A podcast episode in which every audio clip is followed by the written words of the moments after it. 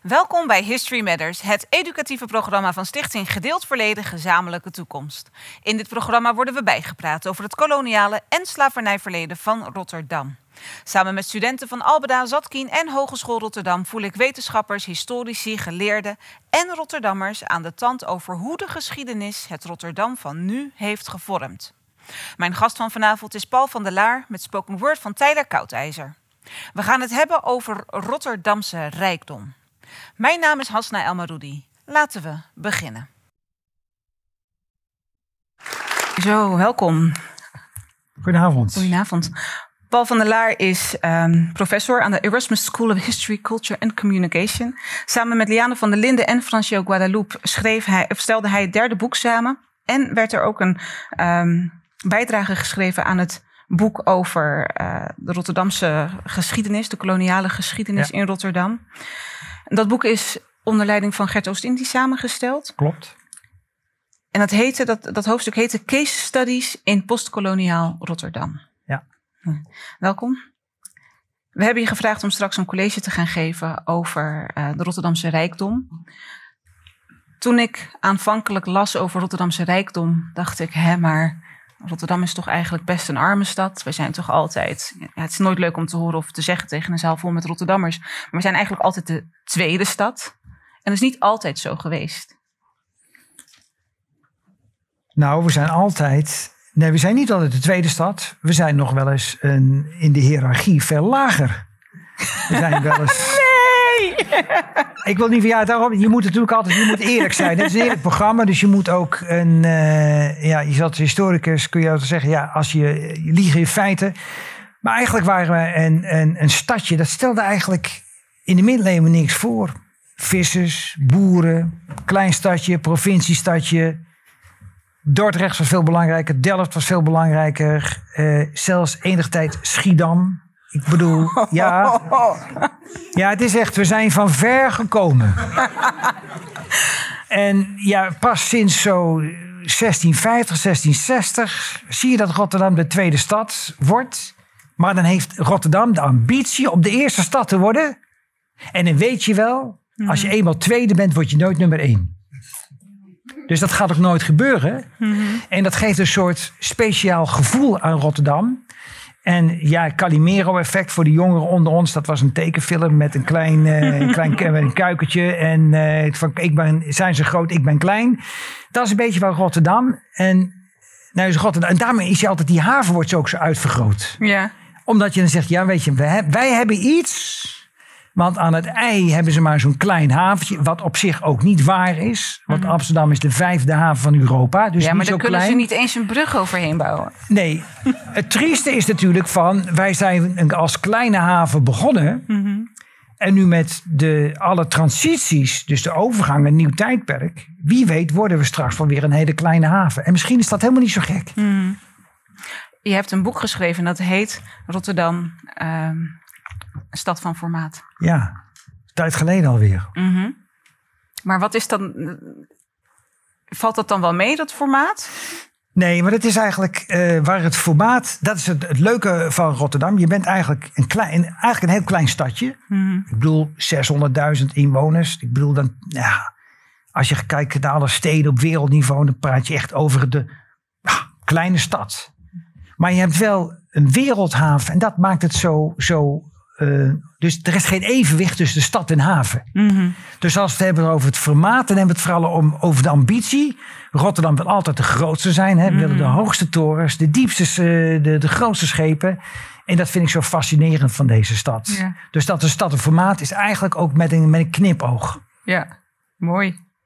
Mag ik je uitnodigen om eh, je presentatie Ja, te geven? zal ik doen. In 10 minuten. hè? In 10 minuten. Dankjewel. Ja.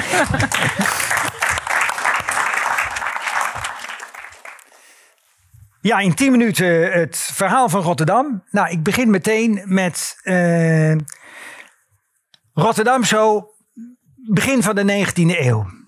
Een stad die nog helemaal niet dacht aan die grote wereldhaven. En sterker nog, als Rotterdammers het verhaal vertellen dat ze zo graag vooruitstrevend zijn en dat ze alle nieuw, tijd nieuwe kansen willen pakken, nou was dat niet zo. In juist het begin van de 19e eeuw had Rotterdam één verlangen. Ze wilden eigenlijk weer terug naar die 18e eeuw. Die lekkere, overzichtelijke eeuw, dat kleine stadje, de havenstad, overzichtelijke handel met Indië. En de man die daar een belangrijke rol, zoals hier zien we zijn werf, dat is dat deze man, Anthony van Hoboken. En die heb ik speciaal geportretteerd, omdat hij staat eigenlijk als symbool van het voortzetten van de traditie van, de, van je kunt zeggen, van de VOC. En de VOC, er was een einde aangekomen, het eind van de 18e eeuw. En hij werd eigenlijk de grote man van de nieuwe VOC, de Nederlandse Handelmaatschappij. En onthoud die naam, want die naam komt terug in de vorm van ING ABN, dus het bankenconglomeraat Anthony van Hoboken. En die was puissant zo ongelooflijk vermogend. En de dingen die hij deed, dat koning Willem I zei: Als ik geen koning was, zou ik een Anthony van Hoboken willen zijn. Zijn naam in Rotterdam, het land van Hoboken. Waar nu het Natuurhistorisch Museum, dat was zijn villa. En al dat gebied eromheen, dat was zijn tuintje zou je kunnen zeggen. Rijkdom. Hij is ook nog niet geadeld, maar hij was heer van Kortgene en Roon. Dus kasteel van Roon is zijn kasteel. 1855. Rotterdam maakt zich op voor de opgang van het nieuwe tijdperk. Aarzelend. Want de koopman die zit het liefst op zijn handel. En die ziet op een gegeven moment dat de Duitsers en Engelsen industrialiseren. Deze stad, zo rond 1850, is een stad die op het punt staat van de vooruitgang. En dat kun je hier mooi zien. Je ziet daar zo'n zo'n scheepje. En je ziet al wat stoom. De eerste stoomscheepjes komen. En Rotterdam moet er nadenken over de toekomst. Maar probeert nog steeds vaste handen houden aan die koloniale handel. En dan krijg je hier, dit is de coterie, je zou kunnen zeggen, theekransje van Rotterdam. Want dat is het ook eigenlijk. Het zijn mensen die bij elkaar zitten, die voelen zich allemaal heel erg belangrijk. Dat is een soort familieregering, die trouwen ook allemaal met elkaar, neven, nichten. Het is net een, een, een Engelse roman, zou je kunnen zeggen. Patricius. En daar heb je, daar, hier zit de Martin Mees, je hebt de familie van Rijkenvorsel. En die Rijkenvorsel, en die zijn belangrijk omdat ze de handel met Indië koffie, thee, suiker en dergelijke met elkaar de inkomsten. En dan zie je dat Rotterdam met het nieuwe tijdperk. En in dat midden zie je dan Lodewijk Pinkoffs. Lodewijk Pinkoffs is een van de weinige mannen die zegt: ja, misschien is er sprake van een vooruitgang. Misschien moeten wij dat tijdperk van stoom en staal, misschien moeten we daar wat energieker in worden. Maar die omgeving om hen is zeer terughoudend. Maar Lodewijk Pinkoffs is een belangrijke man. En wat doet hij? Hij verdient zijn vermogen als ondernemer in de Afrikaanse handelsvereniging. Hij richt zich op Afrika. En waarom richt hij zich op Afrika? Ik denk zelf dat dat komt omdat door de aanleg van het Suezkanaal, dus de verbinding van de Middellandse Zee naar de Rode Zee, de handel op Oost-Indië bedreigd wordt. En de Engelsen zijn er ook bang voor dat de Fransen dat gaan domineren. En de Nederlanders, ik denk een Pinkhoff, een ondernemende man, Misschien moeten we onze rijkdom in Afrika gaan zoeken. Ik weet niet of het zo is, maar het zou me niet verbazen. En dat doet hij samen met meneer Kerdijk, de Afrikaanse Handelsvereniging. En die richten met elkaar, met die Rotterdamse ondernemers, de Rotterdamse Handelsvereniging op. Lodewijk Pinkhoff zijn zaken met Afrikaanse Handelsvereniging gaan niet zo goed.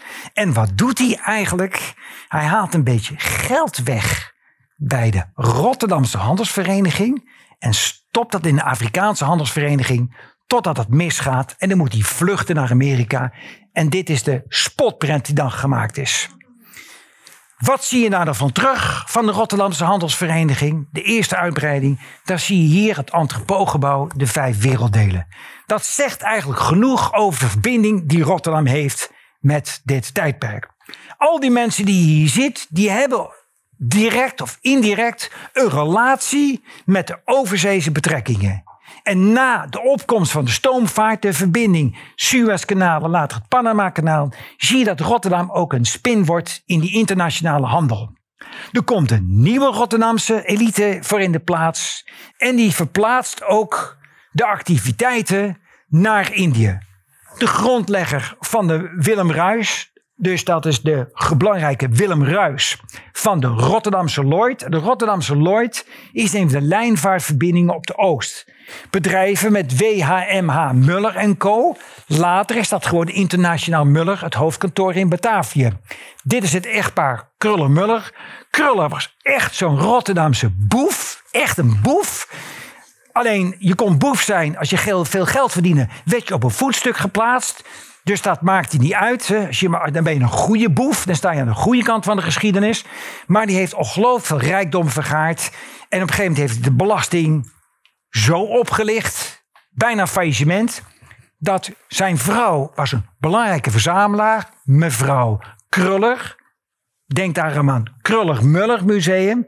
Dus het, dat geld wat eigenlijk geroofd is, hè, het geld internationaal, dat hebben ze nog min of meer teruggegeven. En daar hebben we nu het museum in op de Hoge Veluwe. Hier zie je dan de regenten die er bij elkaar zitten. En dan zie je zo, ze verdelen de, je deelt elkaar de sigaar uit. Dus de rijkdom werd onderling met elkaar verdeeld.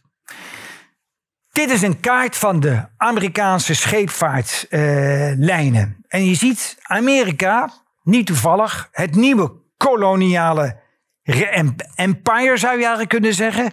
Engeland en Frankrijk zijn uitgespeeld min of meer na de Eerste Wereldoorlog. Duitsland natuurlijk. Amerikanen, die plaatsen zichzelf letterlijk in het middelpunt. Op de oude kaarten zul je dat nooit zien. Dan zie je Amerika aan die kant, Europa in het midden. Nu zie je dat Amerika zichzelf in het midden heeft geplaatst. En dan betekent het eigenlijk voor de Tweede Wereldoorlog, en die scheepvaartlijnen zeggen het al, de hele wereld is met elkaar verbonden, dankzij de stoomvaart. Dat betekent dat overal zijn lijntjes die getrokken worden met het Rijk. En juist zie je dat in de jaren 20, 30, dus vlak voor de Tweede Wereldoorlog, zie je met name interessante ontwikkeling in Azië, opkomst van een beweging die na de Tweede Wereld grote gevolgen zou hebben voor het decolonisatieproces, wat begint in Azië, Afrika. Maar je ziet, als je deze kaart, is een goede illustralisatie hoe de wereld met elkaar verbonden is. Dus je kan zeggen van overal waar de hoofdkantoren staan, via de scheepvaartlijnen, wordt de rijkdom vergaard. Het is graaien uit de hele wereld, inkomen afronden, afromen en vervolgens spenderen aan je eigen welvaart. Dat was mijn mini-college. Dankjewel voor je eh, mini-college. Ehm, interessant om er ook in zo'n sneltreinvaart doorheen te gaan. Ehm, wat ik allereerst fascinerend vind, is eh, je zegt ehm, bijvoorbeeld over Krullenmuller dat, dat ze geroofd hebben. Graaien, zeg je. Wat werd er gegraaid? Wat werd er geroofd? En, want dat is toch iets anders dan handel drijven. Ja, nou kijk, handel hebben wij, leren natuurlijk, handelen is iets van je biedt iets, je, je ruilt iets tegen anderen en daar betaal je een goede prijs voor. Maar de vraag is ook, hij was groot geworden in de erts, ertsmijnen. Exploitatie van ijzererts in de mijnen, hoe daar gewerkt wordt. Het kapitalistische systeem is natuurlijk op gebaseerd dat je produceert tegen de laagste kosten. Nou, wat betekent, waar wordt dat altijd op bezuinigd? Dat zijn natuurlijk op de lonen van de arbeid. Dus je probeert de arbeidskosten zo laag mogelijk te houden. Dat betekent dat mensen onder de meest afgrijzelijke arbeidsomstandigheden moeten werken. Dus je kan eigenlijk zeggen, dat is exploitatie van het systeem leidt ertoe dat je roofbouw pleegt op de mensen. Dus ook al het feit dat de slavernij officieel is afgeschaft, zie je dat er allerlei arbeidsvormen ontstaan die daarvoor in de plaats komen. Die weliswaar formeel kun je zeggen, ja, mensen hebben een arbeidscontract. Maar is zo'n arbeidscontract dan gesloten op basis van gelijkwaardig respect voor de arbeid die iemand levert? Dat is het niet. En eh, in het geval van Kruller is het ook nog eens zo dat hij, eh, hij is een financieel eh, ge- genie. Wat hij doet, dat zijn eigenlijk alle dingen die sinds 2008 fout gegaan zijn met het kapitalistisch financiële systeem. Dat had hij er eigenlijk al bedacht. Dus bedrijven kopen, verkopen eh, met winst. Stiekem doen, aandeelhouders dingen beloven die je niet waar kon, kon maken. En met de opbrengst zijn zijn vrouw. Ja, ik. eh, joh, Anton, het is wel eens tijd voor een Van Goghje aan de muur. Nou, zei ze: Hier, schat, koop maar. Ik heb hier van de dividend. Ja, dat ga ik niet aan diegene. Hier, koop jij daar maar wat voor. En zo ging. Dus dat is eigenlijk gewoon een soort roofkapitalisme. Alleen, de man werd niet zo gezien. Werd gezien als een succesvol zakenman. Zo, die is het goed. Dat is nou eens een ondernemend figuur en daar houden we van. En als ondernemers succes hebben, vragen we bijna nooit ons af. En dat doen we nog steeds niet. Hoe kom je aan je geld? Hoe is het verdiend? Daar zijn we eigenlijk helemaal niet zo in geïnteresseerd. Ja. Het gaat erin van, nou, je hebt het verdiend en je laat het zien. Je koopt een boot, een nog grotere boot. Uh, je, je, je, je, stuurt misschien straks iets naar de, naar de maan. Hè? Je hebt ervan, of je, je begint een fabriek. Dat is succesvol ondernemers. Maar hoe kom je aan dat geld? Wat is er voor nodig om dat bij elkaar te hebben? Dus het systeem, dat is dus op zich het, het knappe van het kapitalistische systeem. Dat het zo succesvol is en dat het suggereert dat het op basis is van gelijkwaardigheid. Mhm. Dat je elkaar diensten uit verleent waar een eerlijke prijs voor betaald wordt. Maar dat is natuurlijk niet zo. Nee. En hetzelfde zou je in zekere zin ook van eh, Lodewijk Pinkoffs kunnen zeggen. Ja. Ehm, want hoe zat het met, waar, waar haalde hij zijn mankracht vandaan? Nou, Lodewijk Pinkoffs, die, eh, dat is iemand die probeerde vooral handel te drijven. eh, en te zorgen dat hij ook ruilhandel. Want op het moment dat er weinig mogelijkheid is om in geld uitbetaald te worden. Dus wat leverde ze? Leverden allemaal producten, ook naar Afrika, waar niemand op zat. Waar de Afrikanen niet op zaten te wachten. Hè, dan werd hier bijvoorbeeld jenever verkocht, Afrika. Henkers deed dat goed, bijvoorbeeld goed. Henkers, jenever. Henkers in Delfshaven. Dat pand wat er staat, Henkers, die had in bijzonder eh, jenever. En jenever werd, werd, werd aanbevolen als een soort medicijn.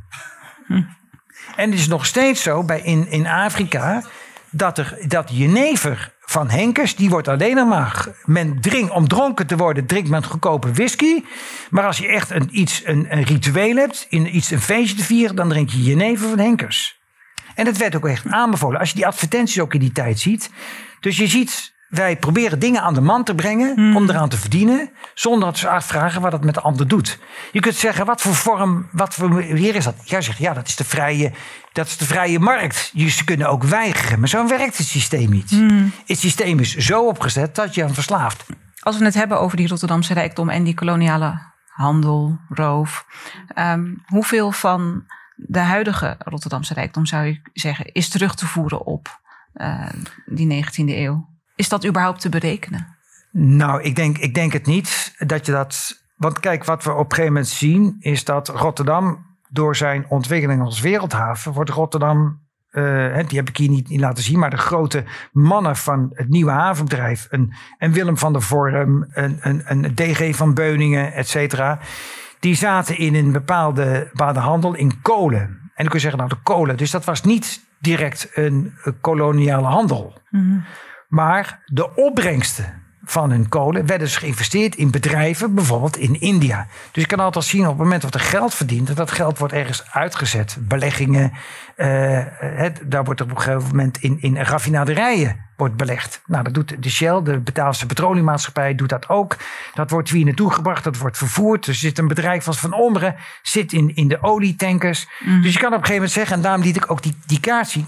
De wereldeconomie toen al, voor de Tweede Wereldoorlog, zo met elkaar verweven. Dat je kunt zeggen, iedereen die eh, in de keten, in de logistieke keten, zouden we dat nu noemen, zit. Ja, die verdient aan een wereldhandel die eigenlijk gebaseerd is op ongelijkheid. Dus of je nou de kolonie kan zeggen, ja, je praat eigenlijk een mondiale ongelijkheid. Dus Ja. dat is echt, een, ja, en dat, en dat geldt voor heel Europa. Dat geldt voor Amerika, dat geldt voor heel Europa. En dat geldt straks ook, misschien als er verschuiving plaatsvindt in de wereld, geldt dat ook wat je nu bijvoorbeeld ziet, wat, wat, wat in China gebeurt. Dus eigenlijk, eigenlijk, China is ook bezig met een soort imperium te bouwen. Enigszins vergelijkbaar wat aan het eind van de 19e eeuw de Fransen, Engelsen en Amerikanen deden. Maar het systeem verandert je niet 1, 2, 3. Nee. Zelfs als andere machthebbers nemen ze toch het systeem over. Helder. Nadenken over ehm, Rotterdam als stad, eh, Rotterdam ook als havenstad. Eh, dat doen we als Rotterdammers allemaal. We kijken denk ik voornamelijk heel trots ook naar die Rotterdamse haven. Ehm, zonder dat we misschien altijd weten wat daar de geschiedenis van is of wat daar de exacte context van is geweest. History Matters is, eh, wordt gemaakt in samenwerking met Open Rotterdam. En Open Rotterdam ging voor ons de straat op om aan Rotterdammers te vragen hoe zij naar die Rotterdamse haven kijken. Maar ook om te onderzoeken of ze ook weten wat, welke rol die haven heeft gehad in ehm, het verleden en in de rijkdom van nu. Laten we even kijken naar eh, de video die Open Rotterdam heeft gemaakt. Nou, ik denk Nederland was best wel groot als het gaat in de handelingsfase, de VS en al die shit. Eh, dus ik neem aan, omdat ze, ze waren bezig in India en Suriname en al die gebieden waar zeg maar, dingen groeiden zoals cacaobonen en andere specerijen. En ik denk dat daardoor dan eh, voornamelijk alle, ja, al het geld binnen is gekomen. En dat daardoor ook de, de haven zo is kunnen groeien. En ik denk dat we dat nu nog steeds uh, ja, ervaren eigenlijk. Er is in opdracht van de gemeente onderzoek gedaan naar de rol van Rotterdam in het koloniale en slavernijverleden. Een van de dingen die weinig mensen weten is dat de Rotterdamse haven zo groot is geworden dankzij de koloniale handel. Hoe kijk jij daarnaar? Dubbel, want uh, de ene kant uh, levert het natuurlijk heel veel uh, goede economie op en handel. We hebben er natuurlijk heel veel handel mee verdreven. Daarom zijn we ook zo succesvol in Europa geworden als Nederland en ook als Rotterdam. Tegelijkertijd hebben we natuurlijk hele nare dingen gedaan om die specerijen hierheen te krijgen. Ja, ik ben er alleen maar heel erg trots op. Ik ben echt een beetje een schepenvrouw. Nou. ik ga heel vaak naar de haven en heel veel kijken. Maar ja ik, ja, ik hou van de haven en voor mij kan die niet groot genoeg zijn. Hoe zouden we ermee om moeten gaan nu we meer weten van de rol van Rotterdam in het koloniale en slavernijverleden? Ik denk dat ze er best wel bij stil kunnen staan, zeg maar. Want het is dus best wel gewoon een oude haven, wat, waar veel is gebeurd natuurlijk. Dus ik denk dat ze dat wel uh, moeten waarderen, zeg maar, en bij stil kunnen staan af en toe. Je hebt geen goed zonder fout, weet je wel. Dus ik denk als je die twee een beetje in balans brengt, dat we gewoon een prachtige haven hebben, wat er nu is. Dus als het niet fout was gegaan, hadden we niet iets waar we nu dankbaar voor zijn. Ja, ik zou het heel jammer vinden als mensen daar niet zo naar kijken. Want het is wel, vind ik, een van de pareltjes van Nederland. Wat ik zo mooi vind uh, aan deze video is dat je het dubbele proeft heel sterk. De trots en tegelijkertijd ook het wrangen. Wat vind jij van de Rotterdamse haven? ik vind hem groot. Uh, nou, ik heb natuurlijk ook. Ik, ik, ik vind het. Ik vind het, het is een imponerend stuk werk. Als je kijkt naar, naar die ontwikkeling van die haven, dan kun je zeggen dat wat, wat daar is gerealiseerd, is natuurlijk een, een fenomenaal stuk, stuk technologie. Uh, en wat er is gerealiseerd. Alleen je bent ook, juist omdat je groot wordt, dat heeft ook, dat ook weer die andere kant. En met name, ik weet als historicus dat, ik heb het net al gezegd, dat men wist absoluut niet hoe die haven zich zou ontwikkelen. Voor een hele stad zijn dat ook allerlei toevallige omstandigheden. En er ontstaat er zoiets van een model in een geloof van groei. En die groei houdt niet op. Mm dus we zijn nu al met de tweede Maasvlakte. Nou, komt er nog een derde. En uh, dat weet je niet. En tegelijkertijd is het ook zo dat je na moet denken van ja, wat zijn de consequenties? Want die trots, dat, dat, dat voel je natuurlijk ook, dat heb ik ook. Dat is onderdeel van bijna ons DNA. Mm Dat kun je niet ontkennen. Maar de vraag is natuurlijk van nou, um, als je alles meeneemt, alles optelt, wat die haven, wat, wat, wat dat doet, hè? economie natuurlijk, economisch rendement, maar ook de verontreiniging, het milieu, als je alles afzet van is het nou wel zo fijn dat wij al die uh, goedkope spullen ergens vandaan halen met het transport in die containers, dat we een volledige logistiek hebben opgetuigd om Nederland distributieland. Ik vind dat je daar best kritisch over moet zijn, dat dat niet een model is wat, wat, wat levensvatbaar is voor de toekomst. Dus ik vind, mhm. ik wil zeggen, die haven is trots, een prachtig stuk geschiedenis. Maar je moet ook op een gegeven moment kunnen zeggen, ik moet er ook los van kunnen komen. We werken bij History Matters samen met een aantal scholen. Met uh, Albeda Zatkien en de Hogeschool Rotterdam. En in aanloop naar vandaag brachten we samen met hen een bezoekje aan het Maritiem Museum. Om ook een inkijkje te geven in uh, nou ja, onze tocht door het museum heen. Hebben we een van de studenten, Brianna Butte, gevraagd uh, om ons te vertellen wat het met haar deed. om in dat museum te zijn, maar ook alle afgelopen History Matters afleveringen. Um, ja, wat ze geleerd heeft en zij is hier vandaag om dat met ons te delen. Mag ik een heel warm applaus voor Brianna Butze.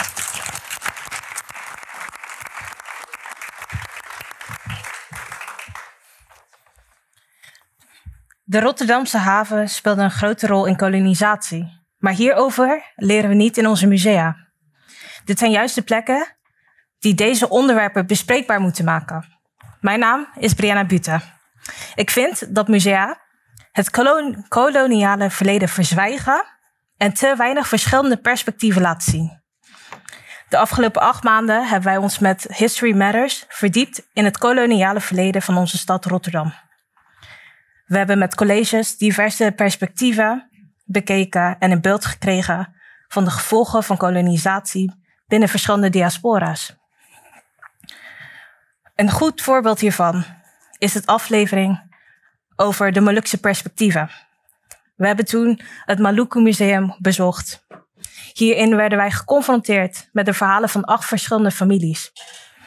Deze verhalen riepen emoties in ons op. Het meest boosheid, verwarring. Hoe heeft dit kunnen gebeuren? Waarom zou de regering opzettelijk segregatie creëren door middel van Molukse wijken? Maar bovenal, hoe kun je mensen onderdak geven in oude concentratiekampen? Ongelooflijk om daarbij stil te staan. Je geeft mensen een plek om te wonen in een oud concentratiekamp waar mensen hebben geleden. De Molukse geschiedenis wordt mondeling overgedragen van generatie op generatie. Dit laat ons zien hoe belangrijk musea's kunnen zijn. Voor kennisoverdracht. Musea, musea's moeten de geschiedenis kunnen belichten vanuit verschillende perspectieven. Dus niet alleen vanuit het witte, dominante perspectief. Geschiedenis is geen zonneschijn en regenbogen. Musea breiden hun collecties uit en brengen meerdere perspectieven aan het licht. Maar hoe gaan zij om met stukken waarvan de herkomst onbekend is? Gestolen kunst, van westerse origine of uit het oosten wordt verzwegen. Ik zie nog te vaak beschrijvingen bij kunststukken die overduidelijk slechts één perspectief bekijken. Elke geschiedenis kent meerdere kanten. We zullen het nooit eens zijn over alle perspectieven, maar ze verdienen wel allemaal aandacht. Alleen zo laten wij zien dat Rotterdam niet alleen excuses maakt, maar dat Rotterdamse musea hun verantwoordelijkheid nemen in hun taak van kennisoverdracht. Dankjewel.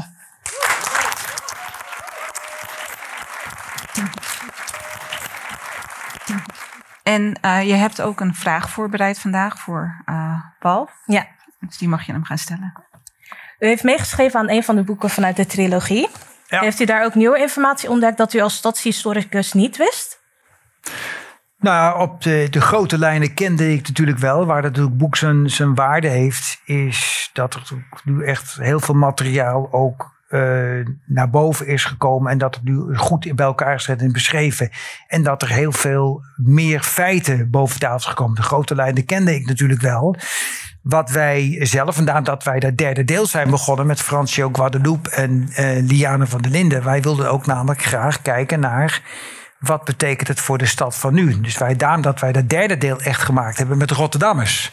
Dus vandaar dat het ook een, een wilde ook wat dat betreft, hè, wat je net in, jou, in jouw verhaal ook zegt, van ja, die hebben een ander perspectief op de stad. Dus dat wilden we ook graag aan eh, bod laten komen.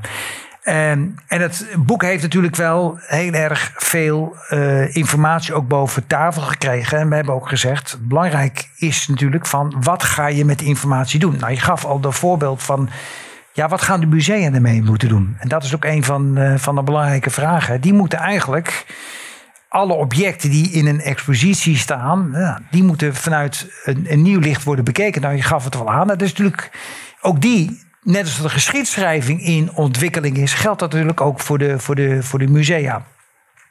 Het gaat veel. Eh, kijk, wat belangrijk is voor dit boek voor Rotterdam, is dat Rotterdam kan ook kon altijd zeggen, ja weet je wat, wij zijn eigenlijk de stad van de 19e eeuw. Alles wat er voor die tijd is gebeurd, die wees dan in dat geval wel naar Amsterdam. Ja, moet je, moet, je, moet je daar zijn, want daar zitten ze. Dat zijn de kolonialen. Maar wij hebben ook die, uh, die koloniale geschiedenis.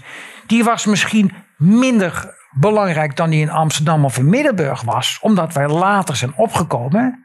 Maar het betekent wel dat wij ook dat hadden. En dat is met name in het boek van Alex van Stieperiaan. En daar heeft hij natuurlijk behoorlijk wat reuring mee veroorzaakt. Want die zei op een gegeven moment... Iedereen in Rotterdam heeft ervan geprofiteerd en niemand kan dat ontkennen. En dat was een boodschap die behoorlijk binnenkwam. Want nu kan niemand meer zeggen: Ja, weet je wat, het was eigenlijk voor Rotterdam niet zo belangrijk. Nou, dat betekent als je dat eenmaal onderkent dat dat belangrijk is, dan kun je vervolgens de volgende stap gaan zetten. Oké, wat gaan we dan met die informatie doen? En daarom is dit project ook zo belangrijk. En Wim heeft daar natuurlijk meteen, toen de boeken uitkwamen, hij zegt: Ja, leuk die boeken voor de geschiedschrijving en op de plank. Maar what's the next step? Nou, daarom is dit zo van belangrijk. Dat het aanzet, ja, de reflectie. En dat dus ook de mensen, de historici en de mensen in de musea daarmee scherp houden, om daarmee confronteren. Ik denk dat dat misschien nog wel het, het belangrijkste feit is. Dank u wel. Jij heel erg bedankt, Brianna. Graag Een warm applaus.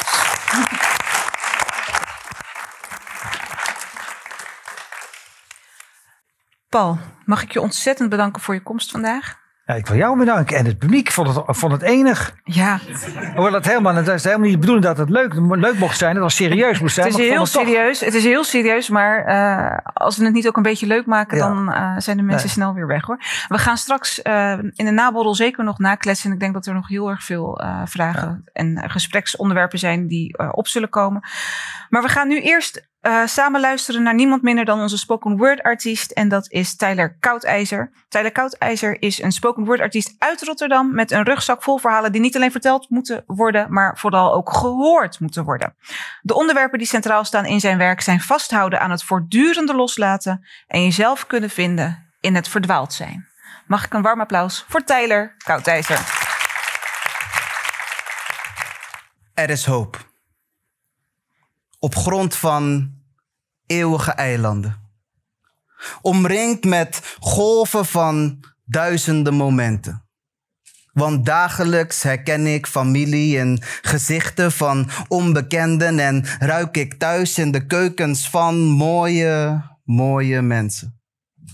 En zelfs tegen windrichtingen in heb ik er een neusje voor, want oma deelt onvoorwaardelijke liefde vanuit haar pan. Ik voel me kind. Met haar armen om mijn batik kies voor familie, smoor, vruchtvlees, tradities in de vorm van een galmende gamelan die een prachtige tramalan teruggeeft. De dans in de taal is prachtig. Als de manier waarop er geluisterd wordt. Maar opa wilde liever geen wajang poppen aan het dansen als het duister wordt, want dit is meer dan proeven. Dit is het voelen van een schaduw op wit verlichte doeken. Dit is nooit vergeten. Want feitelijk is het je nooit gegeven. Dit is je in het hol van de leeuw begeven, maar in de jacht van de winst niet meer de prooi te wezen. Dit is meer dan overleven. De vrijheid om de waarheid te schenken. In spraakwater te laten vloeien. Het voeden van een zaadje, de verbloeming voorbij en toch nog de vruchten dragen. Dit is stoeien met de smaken. De specerijen. De achterblijfsels van hetgeen dat generaties geleden lijkt. En het is opbranden. Waarin de as door blijven gloeien. Wakker de droom aan door één te blijven. Gotong Royong. Samen dragen. Wat het ook is. Aansluiting maken daar waar de stroom mist. We scheppen zonder graven op plekken waar er geen hoop is. En daar waar rook is, is een Javaanse jongen. Vuur in mijn adem. En in mijn aders pompen rood-witte bloedlichamen zichzelf door ronde. Ik was het kwijt. Maar ik heb het gevonden. De hoop op eeuwige eilanden. In duizenden momenten verzonken. Dit is het onze. Dank jullie wel. Wauw.